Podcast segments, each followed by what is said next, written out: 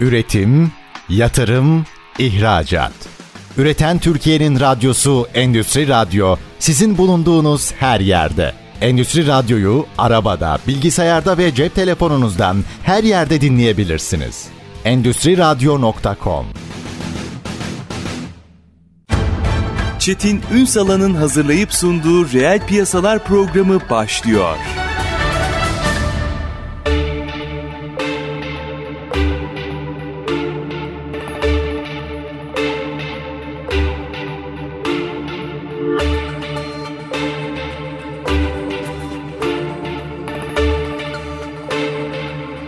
Reel piyasalardan merhabalar. Türkiye'nin gerçek gündeminde birlikteyiz efendim. Bugün turizm sektörünü mercek altına alacağız. Hem 2023'ün şöyle genel bir fotoğrafını alacağız. Hem de aslında 2024 yılını konuşacağız. E, neler bekliyoruz? Hem ziyaretçi sayısında hem aslında rakam bekleniyor açıkçası. Herkesin gözü orada ama tabii e, bunun sadece salt bir e, rakam olmaktan çıkartmamız gerekiyor. Bu çok özel bir sektörden bahsediyoruz. İhtiyaçları ne? Neler yapılması gerekiyor? Hangi ezberleri bozmamız lazım? Potansiyelimizle birlikte bunları da konuşmakta fayda var. İşin can damarına gideceğiz. Çünkü nabzı en iyi acenteler tutar. Biz de bugün kimi ağırlıyoruz? İstanbul Seyahat Acenteleri Tanıtım ve Geliştirme Derneği ikinci başkanı ve aynı zamanda VEA Global Travel CEO'su Cüneyt Tansu Demir. Bugün reel piyasaların konu. Sayın Demir günaydınlar. Yayınımıza hoş geldiniz efendim. Günaydın Çetin Bey, hoş bulduk. Çok teşekkür ediyorum. Var olunuz. Bunu böyle ısrarla altını çiziyorum. Turizm bir vezne değildir. Turizm önemli bir sektördür diye. Galiba e, en çok bunu konuşmamız gerekiyor. Turizme başka türlü bakmamız gerekiyor ülke olarak, ülkece. Şimdi bütün bunları açacağım zaten ama bir 2023 değerlendirmesi alarak başlayalım mı 2024'ü konuşmadan önce? Nasıl geçirdik bu seneyi? Tabii memnunlukla. Çetin Bey 2023 genelde 2022'ye göre iyi bir sezondu. Yurt dışından gelen turistlerde turist sayımızda %20 artış oldu. Bu iyi bir rakam. Zaten geçen sene de çok kötü bir yıl değildi. E, pandemi sonrası bir canlılık olmuştu turizmde. Bildiğiniz gibi insanlar bir yıl çalışıp bir ay turizmi hayal ederler diye Hı-hı. söylerler. O biraz da doğrudur yani. Pandeminin bunalttığı bir volüm yakaladı turizm sektörü genel olarak tüm dünyada böyle bir artışlar var. Ama bizde de yaklaşık %20'lik bir artış yaşadık. Bizim biliyorsunuz bakanlığımızın bir koyduğu hedef var. 50 milyon turist, 50 milyar dolar turizm gelir diye. Şimdi onun 40 milyarını yakalamış durumdayız. Yani güzel bir sezondu. Yalnız iki tane büyük olumsuz gelişme biraz kötü oldu 2023'te. Bildiğiniz gibi Ukrayna Savaşı'nın olması, akabinde İsrail'in Filistin'e yaptığı savaş saldırı o çok kötü etkiledi. İkisi de müşteri yani çünkü değil mi? Efendim? Hepsi müşteri çünkü. e tabi tabi yani bıçak gibi kesti. E bir de insanların moral motivasyonu çöküyor. Bildiğiniz gibi savaşların bir de psikolojik etkisi var. Tabii. Turizm bir de psikolojik bir iş. İnsanlar motive olursa, mutlu olursa ilk olarak turizme yöneliyorlar. Sektörümüz çok kırılgan. Bahsettiğiniz biz sürekli konuşuyoruz bunu sektör olarak yani en kırılgan sektör turizm sektörü. Olaylardan direkt etkileniyor ve şey sektörün bu kırılganlığını özellikle ülkemizde cover edecek bir sermaye birikimi de yok. Bizim o açıdan da bir zafiyetimiz var. Ama genel itibariyle 2023 iyiydi. %20 yurt dışından gelen turist sayımızda artı ilave bir şey var. Yurt dışına giren bizim Türklerin ziyaretçi sayımız da arttı. %43'e çıktı. %43 arttı. Yani yurt dışına giden bizim kendi vatandaşlarımız turist olarak diğer ülkeleri görmeye 3 milyon sayısına vardı Çetin Bey. Oralarda daha çok neresi çıktı öne gidenler? Genel olarak bizim tercih ettiği, Türklerin tercih ettiği Güney Avrupa çanağındaki ülkeler. Yani İspanya, İtalya, hmm. Yunanistan. E, komşumuz zaten Yunanistan'la biliyorsunuz bir de bir anlaşma ha, yapıldı. Bir haftaya kadar vize muafiyeti var. Turizm tabii çok yönlü bir sektör. Özellikle bakın ben size ilk başta konuş dediğiniz şeyi desteklemek açısından diyorum. Sırf para olarak bakılmaması lazım. Kültür ve barış ve birbirini tanıyan milletlerin getirdiği bir dostluk ortamı da yaratıyor turizm. Yani Spinoza'nın meşhur bir lafı var. Diyor ki otoriter rejimler diyor halkı baskıladıkça o halk içe kapanır, içindeki duyguları ifade edemezler. Bu da diyor bir süre sonra kendi aralarında da yalancı bir hale getirir bu ifade etme yeteneksizliği. Bakın dünyada ne oldu? Turizmin geliştiği her ülke daha demokratik, daha Doğru. çağdaş, daha vizyoner. E bu da neye getiriyor? Bu da yaratıcılığı getiriyor. Bu yaratıcılık da bilimi destekliyor, üniversiteleri destekliyor. Yani toplumun aslına bakarsanız turizm bir bakış açısı, topluma yeni bir vizyon katıyor. Yani bu açıdan biz sektörümüzü çok önemsiyoruz. Bir de bildiğiniz gibi yaklaşık 20 tane ayrı sektörü destekleyici etkisi var turizmin. İstihdama katkısını hiç söylemiyorum. Yani genç işsizlikte en hızlı ve en rasyonel çözüm getiren sektörlerden biri turizm. Bir de dış ticaret e, fazlası veriyor. Onun da altını çizmek lazım. Yani gerçekten o yüzden hep cari açığın finansmanında gündeme geliyor ama belki buradan da kurtarmak lazım sektörü. E, dış ticaret fazlası veriyor olması onun suçu değil. Çünkü daha farklı şeyler yapmamız gerekiyor. Burada hazır lafı açmışken, sözü açmışken çok özür diliyorum. Şu Yunanistan meselesini birazcık açalım mı? Ben onu çok önemsiyorum. Bu yarın öbür gün birlikte yapılacak bir Ege destinasyonunun ilk adımı olabilir mi? Yani böyle bir yük vermek istemem sadece o anlaşmayı ama hep umudum o çünkü Türkiye Yunanistan diye rekabet etmek yerine bir Ege destinasyonu projeksiyonu yaratabilir miyiz diye hep hayalim çünkü. Bence mutlaka yaratırız çünkü zaten iki komşu e, milletiz.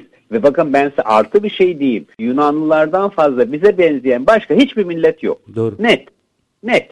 Yani kültürüyle, efendim söyleyeyim kahve kültüründen tutun da yemek destinasyonuna kadar, şehir yapılarına kadar, insan hayatının getirdiği e, yaşamsal motivasyona kadar, müziğe kadar her şeyimiz en yakın olduğumuz komşumuzdur yani. Mutlaka diğer komşularımızda da gastronomi yakınlığımız var. Yaş işte bir takım yakınlıklar tabii ki oluyor ama e, gerçekten iki milletin bir arada uzun yıllar yaşamış olmasından kaynaklanan bir büyük benzerliği oluşmuş. Şimdi bu adaların vizesiz açılması çok iyi oldu. Çünkü Çetin Bey uzun zamandır Türkiye'ye Schengen vizesi verilmesi Türk vatandaşlarına bir problem. Bu basına da çok yansıdı. Artı devlet yetkililerinin de gündeminde olan bir konu. Yani Türk vatandaşları iş adamı olsun, turizmci olsun veya ziyaretçilerimiz olsun hatta üniversite öğrencileri olsun çok zor vize alıyorlar. Schengen vizesi gerçekten çok zorlaştırıldı. Yani bu nasıl aşılır, nasıl çözülür bilmiyorum ama belki bu açıdan da onun ilk çözüm ayağı olarak bu düşünülebilir. Çünkü sonuçta adalar bir Schengen bölgesi. Hı hı. Türk vatandaşlarının bir hafta vizesiz gitmesini ben çok önemsiyorum. Artı destinasyon olarak demin belirttiğiniz gibi bir destinasyon turizmi. Yani Ege Adaları destinasyon, destinasyon turizmi mutlaka oluşacak. Ben öyle öngörüyorum. E, Ege zaten çok ayrıcalıklı bir bölge. Hem bizim kıyılar olsun hem Yunan adaları ve Yunan kıyıları olsun. Yani bu bölge gerçekten çok güzel. Ve bir nokta daha tabii bu ulaşımın kolaylığı, bizim Türk turizmcilerinin de oraya rahat ulaşması. Belki de uzak bölgede mesela Latin Amerikalılara, onlar çünkü tek destinasyon gelmiyorlar. arası uçuş yaptığı için. Bir iki, iki üç hatta bölgeyi görmeye geliyorlar belki bir Türkiye-Yunanistan destinasyonunun daha sunulmasına neden olabilir. Yani işte bütün daha hayalim bu zaten. Yani Yunanistan'a evet, gelen ben anladım onu. 3 gün orada, 3 gün bizde, evet. 4 gün orada, 3 gün tabii, bizde. Ya, tabii. Yani evet. bu tip paketler... Zaten o, o nedenle gel geliyorlar inanın. Çetin Bey yani e, Latin Amerikalı'nın ki çok iyi bir müşteridir. Yani şeyi çok düzgündür profile. Yüksek level bir müşteridir. Yüksek e, harcama kapasitesindeki müşteridir.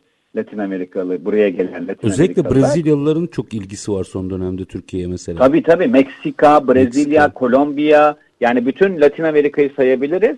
E, biz Latin Amerika pazarındayız aynı zamanda şirket Hı-hı. olarak da. O nedenle o pazarın hassasiyetlerini de iyi biliyoruz. Brezilya, yani bir de bakın bunların hakikaten şeyleri çok yüksek. Nüfus yoğunlukları. Artı zengin ülkeler. Yani bunların gelen turistleri bir de bize yakın Latin pazarı. Yani geldiği zaman çok kendinden şey buluyor Türkiye'de. Yani direkt yeme kültürüyle, şehir yapısıyla, halkın davranışıyla sıcak ve sempatik buluyorlar. Zaten e, bu pazar da çok artan bir pazar. Yani yüzde yirmi turizm arttı diyoruz ama burada yüzde kırk yedi Latin pazarının artması var. Çetin Bey. E, bir de tabii bu hani bir başlangıç olsun. Bütün proje buradan ibaret kalmasın hayalim var. Çünkü yıllardır bir Ege destinasyonu hatta gastronomi açısından baktığınızda ortak bir Ege mutfağı. Ondan sonra bütün kronik problemlerimizin ekonomi yaratırsak tek tek çözüldüğünü göreceğiz. Galiba bunun bir başlangıcı saymak lazım bunu. Yanılıyor muyum? Yok kesinlikle öyle. Zaten ben size bir şey değil mi? Turizmciler politikacıların elini rahatlar. Rahatlatır Tabii. yani. Tabii. Çünkü biz arada dostluk köprüsü kurduk mu politikacı daha rahat eder. Çünkü o politikacı bakın şeydir. O anki politik duruma göre konuşan insandır. E ama o durum değiştiği an E, onun altyapısına işte biz turizmciler, sanayiciler, ihracatçılar yani iş sektörü sağlıyoruz. Doğru. Bu da hep pozitife doğru yöneliyor. Şimdi minik bir araya gideceğim. Bu önemliydi. Tabii. Özellikle bunu konuşmak istedim. Çünkü o sadece o e, bir haftalık vize kolaylıymış gibi yansıdı biraz basına. Biraz detaylandırmakta fayda vardı. Sizin anlattığınız potansiyel çok daha yüksek. İyi kullanmak lazım bu avantajı. Şimdi minik bir araya gideceğim. Aranın ardından belki biraz 2024 hem dünyada hem Türkiye'de ne konuşuluyor turizmde biraz onu açalım. Artı tabii yapılması gerekenler var. Onları da konuşacağız. Minik bir ara. Aranın ardından VE Global Travel CEO'su ve İSATAK ikinci Başkanı Cüneyt Tansu Demir'le reel piyasalarda turizm sohbetimiz devam edecek. Lütfen bizden ayrılmayın. Üretim, yatırım, ihracat. Üreten Türkiye'nin radyosu Endüstri Radyo sizin bulunduğunuz her yerde. Endüstri Radyo'yu arabada, bilgisayarda ve cep telefonunuzdan her yerde dinleyebilirsiniz. Endüstri Radyo.com Kısa bir aranın ardından reel piyasalarda tekrar sizlerle birlikteyiz. Üst başlığımız turizm. Turizmin 2024'ünü e, konuşacağız şimdi. 2023 performansını e, net bir biçimde ortaya koydu. Konuğumuz kim? Ve Global Travel CEO'su ve İSATAK İstanbul Seyahat Acenteleri Tanıtım ve Geliştirme Derneği ikinci başkanı Cüneyt Tansu Demir bizlerle birlikte. Sayın Demir e, aslında bir fotoğrafı çektik. Bence Yunanistan bir çalıştay konusu bile yapılabilir birlikte olmak kaydıyla. Ama ve lakin gelelim 2024'e. Dünyada turizm sektörü bize geleceğim ama turizm sektörünün 2024 beklentileri neler? Nasıl bir fotoğraf ortada? Çetin Bey şimdi dünya turizme çok önem veriyor artık. Yani bakın mesela Almanya sanayileşmiş bir ülke. Sanayi ürünü satışı korkunç boyutlarda. Yani bir numarası Avrupa'nın açık ara bir numarası. Yani ürettiği belli başlı çok yüksek e, teknoloji ürünleri pazarlıyor yurt dışına ama buna rağmen artık Almanya bile turizme dönüyor. Çünkü bildiğiniz gibi sanayinin ülkeye verdiği yani üretim değeri kadar da bir tahrifat var. Çok Ekolojik dengeyi bozan bir e, şeyi var. E şimdi bütün ülkeler turizmde bu yok. Turizm doğal güzelliklerinizi zaten butik şehirlerinizi sergileyerek kazanç elde ediyorsunuz. Yani tabii ki doğaya verdiği özellikle kıyı boyundaki tesislerin zarar var ama tabii bu sanayiyle mukayese edilecek bir zarar değil. Yani e, toparlanması, arıtılması daha kolay. Şimdi bizim bu sene öngördüğümüz 2024'te dünya turizmi açısından bakarsak bütün ülkeler belli bir turizm payını arttırmayı düşünüyor Çetin Bey. Bunda da büyük bir rekabet var. Yani Türkiye bunda da tek tabanca değiliz. Çok güzel bir ülkemiz olmasına rağmen doğal güzelliklerimiz, kültür zenginliğimiz çok açık ara önde olmasına rağmen tabii ki özellikle Güney Avrupa çanağındaki ülkeler bizim belli başlı rakiplerimiz. Hı hı. Ee, Güney Akdeniz, Akdeniz çanağı diyebiliriz. Güney Avrupa yani o bölge bizim rakiplerimiz. Tabii biz bu Yunanistan'la demin konuştuğumuz gibi ortak bir program oluşturursak, bir destinasyon oluşturursak çok daha e, avantajlı hale geçebiliriz. Çok. E, turizmde de. İki ülkeye de yazar yani bu. Tabii iki ülkeye de yazar. Zaten iki ülke komşu ondan. Bakın ne var bunda aslında biliyor musunuz? Karşılıklılık ilkesi çok geçerli. Yani bizimkilerin yani zaten bu Schengen'in bu kadar zorlaştırılması bize şeyinin çok akıllıca değil yani. Avrupa bence bunu bir gözden geçirmeli. Zaten hükümet yetkilerimiz ve biz sürekli aynı çağrıyı yapıyoruz. Yani şimdi bunu zorlaştırdığınız zaman sizin işleriniz de zorlaşıyor. E şimdi Türklerin 7 gün gitmesi demek bizim kendi bizim yani gitmemiz demek e, adalara 7 gün vizesiz. Yunanlıların da bize gelmesi demek. Yani bu karşılıklılık şeyi çok önemli bir şey. Neden? Yarattığınız sinerji, gelen bir millet ilgi çekiyor. Siz de onun ülkesini görmek istiyorsunuz. Tabii, tabii. Ee, Aslında bu karşılıklı bir propaganda oluyor. Karşılıklı bir sunum oluyor. Artı turizm etkileşimi diğer sektörlerdeki işi, marka değerini, hatta belki ürünün fiyatına kadar her şeyi etki ediyor. Algı çünkü. Kesinlikle öyle. Kesinlikle öyle.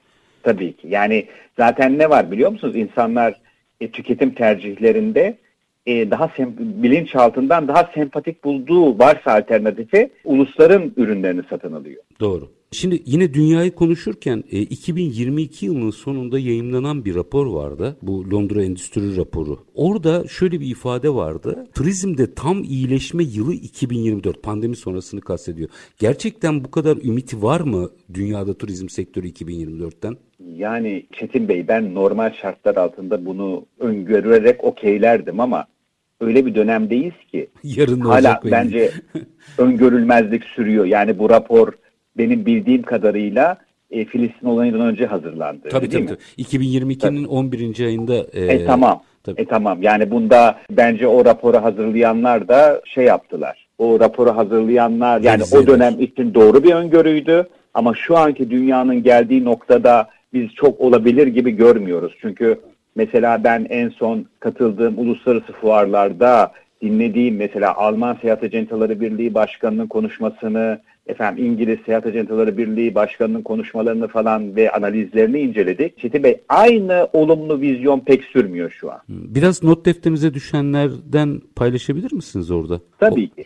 Yani şöyle turizmin yani pandemi sonrası artışı şimdi mesela turizm verilerine bakıyoruz %200 %300 arttı. Evet çok güzel çok pozitif ama pandemi dönemi baz alındığında bu artışları görüyoruz ifadeleri var. Hani normal pandemi ha, görece önce, tamam şimdi. Tabii görece bir değer. Tabii ki. Yani şimdi referans noktası o tarihe de denk geldiği için bu artışlar biraz görece artışlar yani çok e, sektörde rasyonel artışlar değil. E tabii ki rasyon olarak artış da var. Biz Türkiye olarak kazançlı ülkeyiz. O yani kesin. Şeyi doğru mu anlayayım? Araba duruyor. Sıfırdan ona çıktığınızda aslında çok anormal bir yüzdesel büyüme yakalıyorsunuz. Ama onunla gidiyorsunuz günün sonunda. Aynen öyle.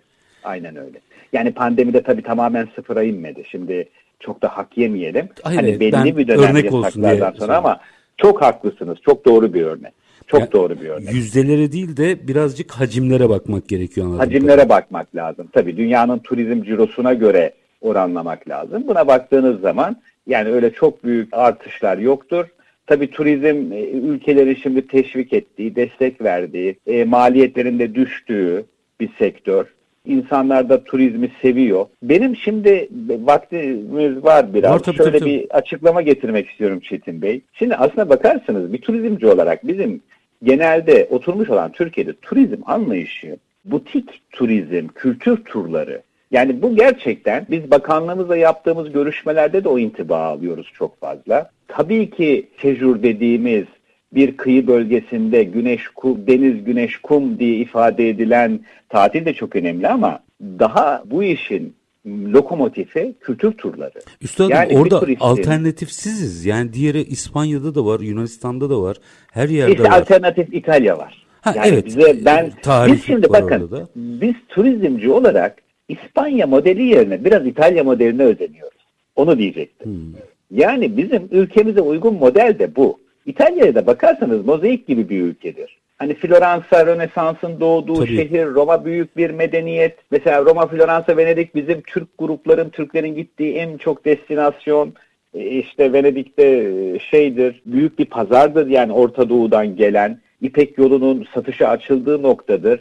Bizim Türkiye'ye geldiğimiz zaman kendi ülkemizde bunun daha geniş bir yelpazesini görüyoruz. Mesela Göbekli Tepe 12 bine gidiyor. Tabii. Düşünebiliyor musunuz? Yani arkeolojinin e, seyrini değiştirdi. Arkeolojinin evrimsel e, sürecini değiştirmiş bütün yapılar. O da daha önceki de bizdeydi ama. Onu da söyleyelim. Haksızlık etmeyelim. Alacaklı de Höyükler de bizdeydi. Yani hani 6 bine gittiği zaman da başka bir ülkede de değildi. Yani Gene birazcık bizdeydi. buraya çalışmak lazım galiba. Çünkü diğerlerinin çalışmak alternatifi lazım. çok fazla. Bakın bir sayı vereyim size Çetin Bey. Antalya'nın yatak kapasitesi yarısı 5 yıldızlı tesis olmak üzere 640 bindir. İstanbul'un 135 bin. Farkı görüyor musunuz? İstanbul 135 bin, Antalya 640 bin. Yani ya yaklaşık oranlarsak 4 katı daha hı. fazla. Antalya'nın yatak kapasitesi. Bu sezon yani 2023'te ne oldu biliyor musunuz? Yaklaşık olarak 10 milyon 10 milyon iki şehirde turist getirdi. Bakın bu çok önemli bir veri. Yani dörtte yani, bir yatak kapasitesiyle evet, aslında daha çok para getirmiş oldu. Bravo. Neden? Çünkü İstanbul kültür turu sunuyor. Gelen yolcuların konaklama zamanı yaklaşık 2.2. Antalya'da bu konaklama oranı 8-8.5'a geliyor.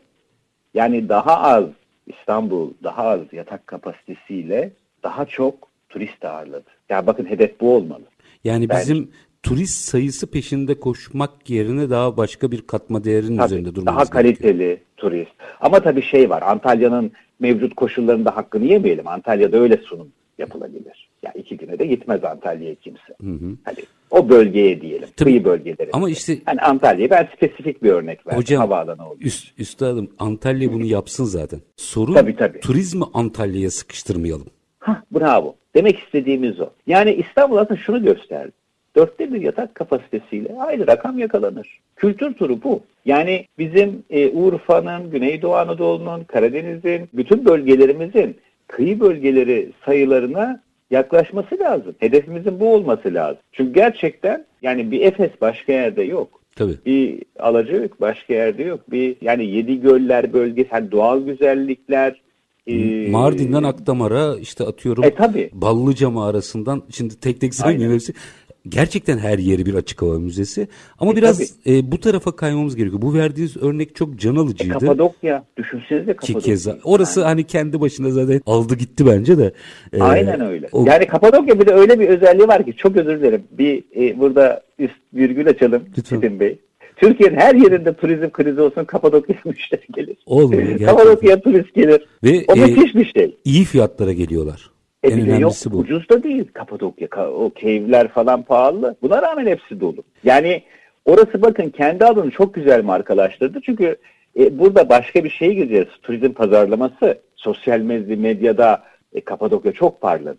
Yani dünyanın her yerinde o balonlar, efendime söyleyeyim bu işte evlilik teklifleri, oranın bölgenin atmosferi, büyüleyici atmosferi, Üstad, ilk bir, ama ilk çıkış, yerleşmiş olması. İlk çıkış noktasına baktığımızda bizim aslında sinemayı ve dizileri ki orada çok ciddi bir hizmet ihracatı büyüyor iyi kullanmamız gerekiyor. Yani şöyle düz mantık yapayım. Türkiye'nin Hollywood'unu yaratarak aslında birçok yeri ön plana çıkarabiliriz. Biraz yarattık ama. O, yarattık. Onu diyorum ya. Olun. Onun etkisi evet, bunlar. O müthiş oldu. Tabii. Latin Amerika, Brezilya diyorsunuz ya bizim diziler oynuyor her gün.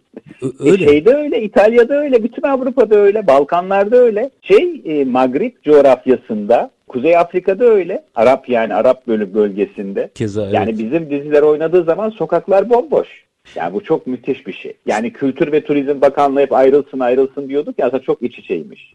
Onu sonra fark ettik her endüstrinin kendi gündemini ayrıca tartışmamız yeterli zaten bence. Yani bir, bir yere tartışmamak önemli. E, şimdi minik bir araya gideceğim ama aranın ardından biraz girdik aslında. Başlık başlık girdik ama birazcık daha detaylandırmak istiyorum. Acenteler gözüyle baktığınızda Türkiye'nin 2024 yılında nasıl bir pazarlama stratejisi olması lazım? Biraz girizgahını yaptık aslında sohbetimiz sırasında ama biraz daha stratejik olarak açmak isterim. Otellerimiz çok önemli. Başımızın üstünde yeri var ama e, otelcilikten ibaret olmayan olmayan bir turizm stratejisini nasıl tartışacağız? Bunu da mercek altına almak isterim. Ama ne yapalım? Minik bir araya gidelim. Aranın ardından konuşalım efendim. Efendim 2024 yılı turizm ve bozulması gereken ezberleri ve Global Travel CEO'su ve İSADAK ikinci başkanı Cüneyt Tansu Demir ile konuşuyoruz. Kısa bir ara aranın ardından reel piyasalar devam edecek. Lütfen bizden ayrılmayın. Üretim, yatırım, ihracat. Üreten Türkiye'nin radyosu Endüstri Radyo sizin bulunduğunuz her yerde. Endüstri Radyo'yu arabada, bilgisayarda ve cep telefonunuzdan her yerde dinleyebilirsiniz. Endüstri Radyo.com Kısa bir aranın ardından reel piyasalarda birlikteliğimiz devam ediyor. Turizm konuşuyoruz. Konuğumuz VE Global Travel CEO'su ve İstanbul Seyahat Acenteleri Tanıtım ve Geliştirme Derneği ikinci başkanı Cüneyt Tansu Demir. Şimdi Sayın Demir araya gitmeden önce 2024 konuşalım dedik kritik bir dönemdeyiz. Ocak, Şubat, Mart. Yani belki de dünyada pazarlamanın en aktif olduğu, kontratların ufak ufak yapılmaya başlandı. Önemli bir 3-4 ay aslında. İyi değerlendirmemiz lazım. Acentelerin tuttuğu nabız üzerinden baktığımızda burada neler yapmamız lazım? Çetin Bey öncelikle bir konuya biraz daha siz demin araya giderken biraz girdiniz. Onu ben açmak istiyorum Lütfen. bir seyahat acentacısı olarak. E zaten biz İstanbul Seyahat Acentaları Derneği olarak da önemsediğimiz bir şey. Şimdi gerçi bu algı da değişti toplumda da yöneticilerimizde de ama şöyle bir algı vardı. Demin dediniz ya otelcilere ha, çok evet. önemli başımızın tacı. Şimdi o noktadan ben topu alayım almış olayım. Şimdi acentalar fazla bilinirliği yoktu. Çünkü havayolu şirketleri ve otelciler bir yatırım unsuru. Yani çok belli. Hani hava yolcunun uçağı var, otelcinin Tabii. oteli var. E şimdi kardeşim senin neyin var acentacı? Turist. O nedenle çok biz böyle Onlar, şey onları şey kullanacak olan turist sizde. Aynen ama o çok bilinmiyordu ki Çetin Bey yani Hani masaya oturduğunuz zaman e, herkes varlığı kadar değer alıyor ne yazık ki. Yani dünyanın biraz. en pahalı oteli boş otelidir. Ah bravo. Bravo. Ben bir otelci arkadaşıma bir yemekte yan yanaydım. Dedim ya ne yapıyorsun? Biraz da krizli dönem. Hani onun dokümanları gelir gider falan bütçelemesi geldiğinde nasıl görüyorsun? İnan dedi düşmana bakar gibi bakıyorum. Yani- Aynı zamanda acentacısı, acentası da vardı o arkadaşımızın. Özel kilit Yani kilit noktalardan biri acentelerdir. E, tabii tabii yani otel boş kaldı mı dediğiniz gibi maliyeti çok yüksek. Tabii. Çok korkunç bir şey. Şimdi yatırımcılar, otel ve hava yolu şeyi çok belliydi ve devlet de daha çok onları göz önüne alıyordu. Daha biraz daha itibarlılardı acentacılardan ama ne zaman ki acentaların turizmdeki asıl ana pazarlama faaliyeti artık öğrenildi. Şimdi artık o algı değişti biraz. Yani artık acenta deyince evet ya bu adamlar da gidiyorlar orada fuarlara katılıyorlar. İşte elinde çanta dolaşıyorlar. E, turist bulup ülkemize getiriyorlar algısını nihayet oluşturduk. E, yani o açıyı, onu o konuyu biraz açmak istedim. Çok önemli. E, yani fabrikanız var, sipariş yok Evet. gibi. Acente Yani yoksa zaten öyle. onu başaramıyorsanız bir anlamı yok ürettiğiniz malın ne kadar kaliteli ve iyi olduğunu veya uygun fiyat olduğunu pazarlayamadıktan sonra yani bu aslında bütün sektörler için de Elbette. geçerli. Ha, çok güzel ülkemiz var. Müthiş sahillerimiz var. En derin kültür ögeleri bizde. Dünyanın en değerli tabiat harikası bir ülkesindeyiz ama pazarlayamıyorsunuz. Bir değeri yok ki. Kesinlikle. Ya bu önemli kritik noktalardan biri. E, o yüzden sizin de detaylandırmanız bence çok kıymetli oldu. Buyurun devam Evet. edin lütfen. Tabii ki. Şimdi bizim sosyal bu bir, bir, şeyi söylemek istiyorum Çetin Bey. Şimdi 2024'te ne olacak acentalar açısından? Bence şöyle bir durum söz konusu. Pazarlama daha çok sosyal medya ağırlıklı olmaya başladı turizmde. Yani web sitesinden tutun da şeye kadar pazarlama tekniklerine kadar tümü sosyal medyaya aktarılmış durumda. Ama şöyle de bir şey oldu. Eskiden sosyal medya giderleri daha azdı. Yani bu kadar popüler değilken, klasik yöntemler uygulanırken bunlar daha uygun fiyatlıydı. E, onda bayağı yol alanlar oldu. Ama şimdi o maliyetler de arttı. Özellikle bence acentalar için büyük sorunlardan biri sosyal medya rekabeti. Çünkü biz hala acentalar klasik yöntemlerle pazarlama yapıyoruz. Klasik yöntemlerle çalışan bir yapıyız. Evet turizmin bel kemiğini oluşturuyoruz, pazarlamanın bel kemiğini oluşturuyoruz ama bizim için bence gelecekteki en yani 2024 ve daha sonrası için en büyük tehlike belki de online satış sistemleri olacak. İnsana dayanmayan. Çünkü biz insana dayalı yani birebir satış yapan, canlı satış yapan bir yapıyız. Acentalar öyle bir yapıdır. Şimdi bu daha çok e, ayrı bir dünyanın şeyi gelecek sanıyorum. Halbuki orada da profesyonellerin olması lazım. Yani çünkü işin karşısında orayı da yöneten bir profesyonel değilse çok büyük mağduriyetler yaşanır. Çok haklısınız ama onda ne yazık ki dijitalde insanın çok önemi yok gibi geliyor artık Çetin Bey. Hani o, o bir ara evet öyleydi. Hani insanların niteliğinin de önemi oluyordu ama dijital şimdi öyle boyutlara geldi ki yapay zeka çıktı. İşte bir sürü atıyorum yani biz hani bunu gördüğümüz için ben size söylüyorum. Üniversite tezlerini falan hazırlıyorlar. Bir sürü ortak şeyden. Doğru. Ders çalışmak tezleri- lazım oraya. Evet evet yani şimdi burada insanı biraz dışarı atan bir şey var. Ama hala şu konuda ümit var olalım. Acentalar hala gerekli. Çünkü aktif pazarlama olmadan evet bir jenerasyon kullanıyor bunu ama genele yayamazlar.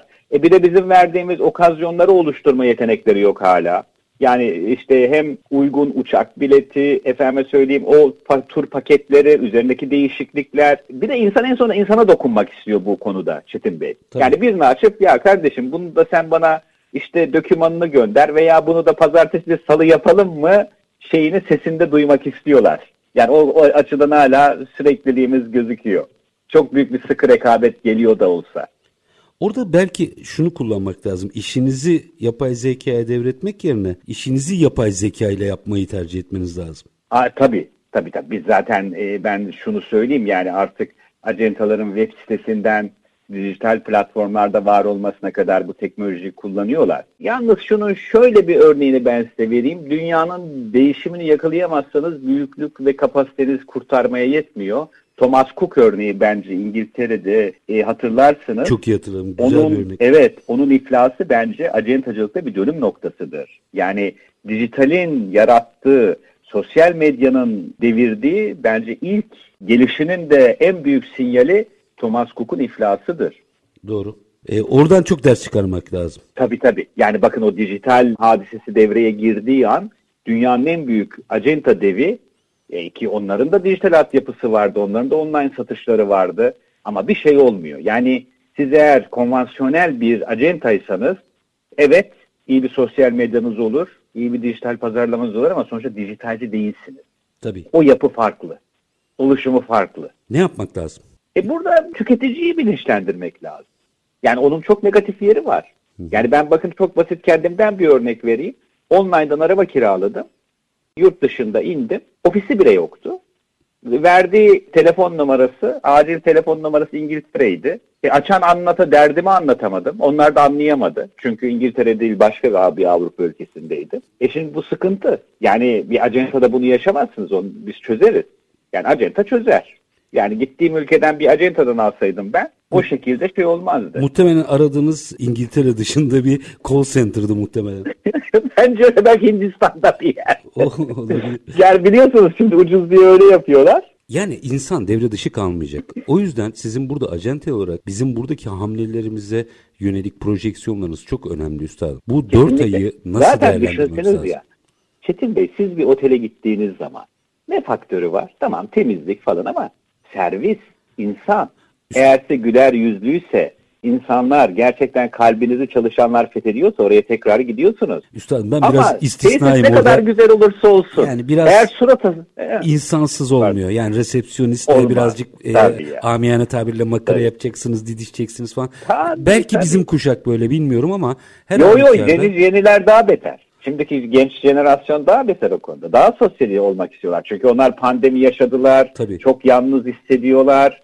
Yani onlara asıl onlara onlar bence bunun özlemindeler bizden daha çok. O zaman bu faktörü doğru işe doğru potansiyeli işe çevirmek lazım. Ne yapmak lazım? Kesinlikle. Şey yapmak lazım. Yani bizim işte yaptığımız konvansiyonel işi arttırmamız lazım. İnsanlara dokunmak lazım. Acentaların en büyük görevi o.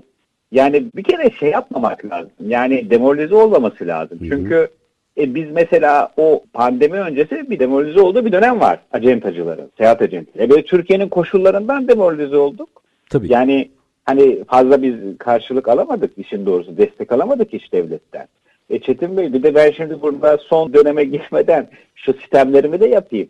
Bakın fuar desteği almıyoruz. Fuar dönemi uçak indirimi almıyoruz. Eskiden hep bunları alıyorduk biz. Aslında E, galiba bunların Telekomünikasyon indirimleri vardı. yeniden E, turizm, gündeme gelmesi ihraç- lazım. E, yeniden gelmesi lazım tabii ki. Yani tamam hani turizm kendi kendine röneve ediyor artık alıştı, bağışıklığı gelişti ama yazık günah yani. Az bir şeyde destek de lazım. Hani bu nasılsa yaşıyor diye sokağa da atmamak lazım Sayın bu Demir sektörü. o iş turizmde öyle olmuyor. Bir bir anda rüzgar terse dönebilir dünyada şey. e, E yok bizim zaten Olumsuzluk yok. anlamında söylemiyorum bunu. E, müşterinin hareket kabiliyeti. Yani Türkiye sevdalısı bir turistin birdenbire İspanya'ya, İtalya'ya döndüğünü görebiliriz. Hiç görebiliriz. bırakmamak lazım.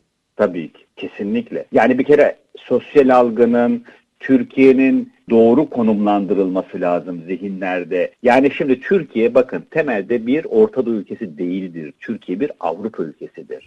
Yani biz kuruluş kuruluşumuzdan itibaren Türkiye'nin gerçek ayarları budur. Yani zaten biz Türkler sürekli Avrupa'ya doğru gitmişiz. Eski başkentimiz neresi? İstanbul Osmanlı'da başkent. Tabii. E, Türkiye Cumhuriyeti'nin kurucu babaları neyi hedeflediler? Çağdaş bir uygarlığı, Avrupa bazında standartları. Yani şimdi bizim gerçekten genetik kodumuz budur. Diğerleri sunidir. Hani belki dönemsel idare edilir. O kadar. Bu yani sene bizim kendimizi Ne yaparsak pazarlama adına doğru şeyi yapmış oluruz. e biz kendimizi doğru konumlandırsak yeter. İnsanlar da bunu görmeye geliyor. Yani bakın bizden şimdi çok böyle nasıl diyeyim çok Avrupa standartlarında bir ülke kimse beklemiyor. Ama çok Orta Doğu da beklemiyor. Yani şu nevi şahsına münhasır denilen bir hadise var ya. Türkiye işte belli standartlarda Avrupalı ama bunun yanında oryantal faktörleri olan, dinden kaynaklanan. İşte hani orada kiliseler var, bizde camiler var. Ama bunun dışına çıktığın zaman standartlar aynı. İşte alışveriş merkezleri var, canlı bir yaşam var, üniversiteleri var, akademik çalışmaları var, güzel kıyıları var, tarihi var, coğrafyası var, entelektüel birikimi var ülkemizin. Çok An- önemli yazarları var. Anlatsak bunun, yetecek diyorsunuz. Filmleri var. E yeter.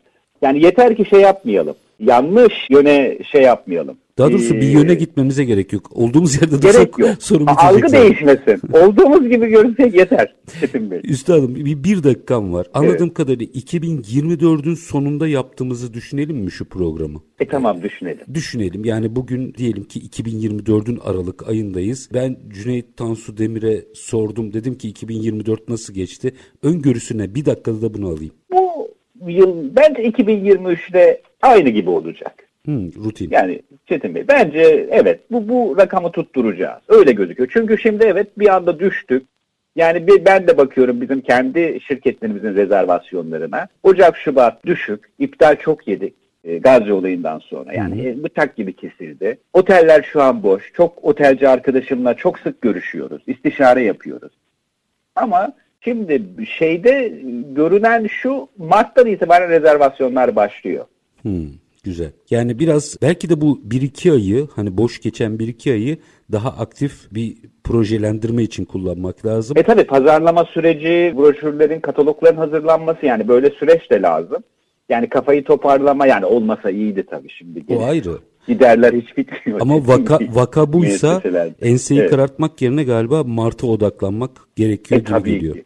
Tabii yok yani zaten Türkiye'nin enseyi karartma lüksü yok. Yani bu kadar gencimiz var. Bunlara iş lazım, aş lazım. Yani bu Türkiye'nin geleceği. Bak diyoruz beyin göçü oluyor.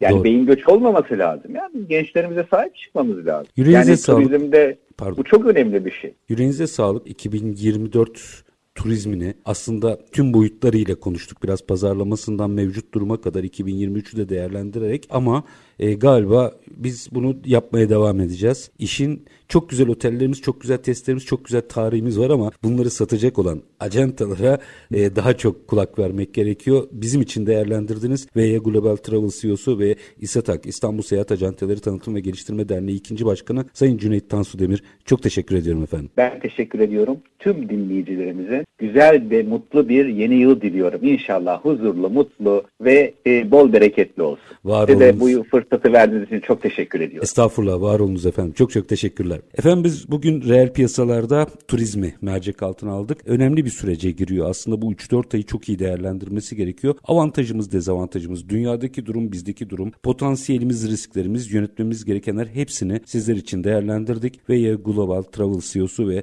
İSATAK ikinci başkanı Cüneyt Tansu Demir reel piyasaların konuydu. Biz her zamanki gibi bitirelim. Şartlar ne olursa olsun paranızı ticarete, üretime yatırmaktan, işinizi layıkıyla yapmaktan ama en önemlisi vatandaş olup hakkınızı aramaktan vazgeçmeyin. Hoşçakalın efendim.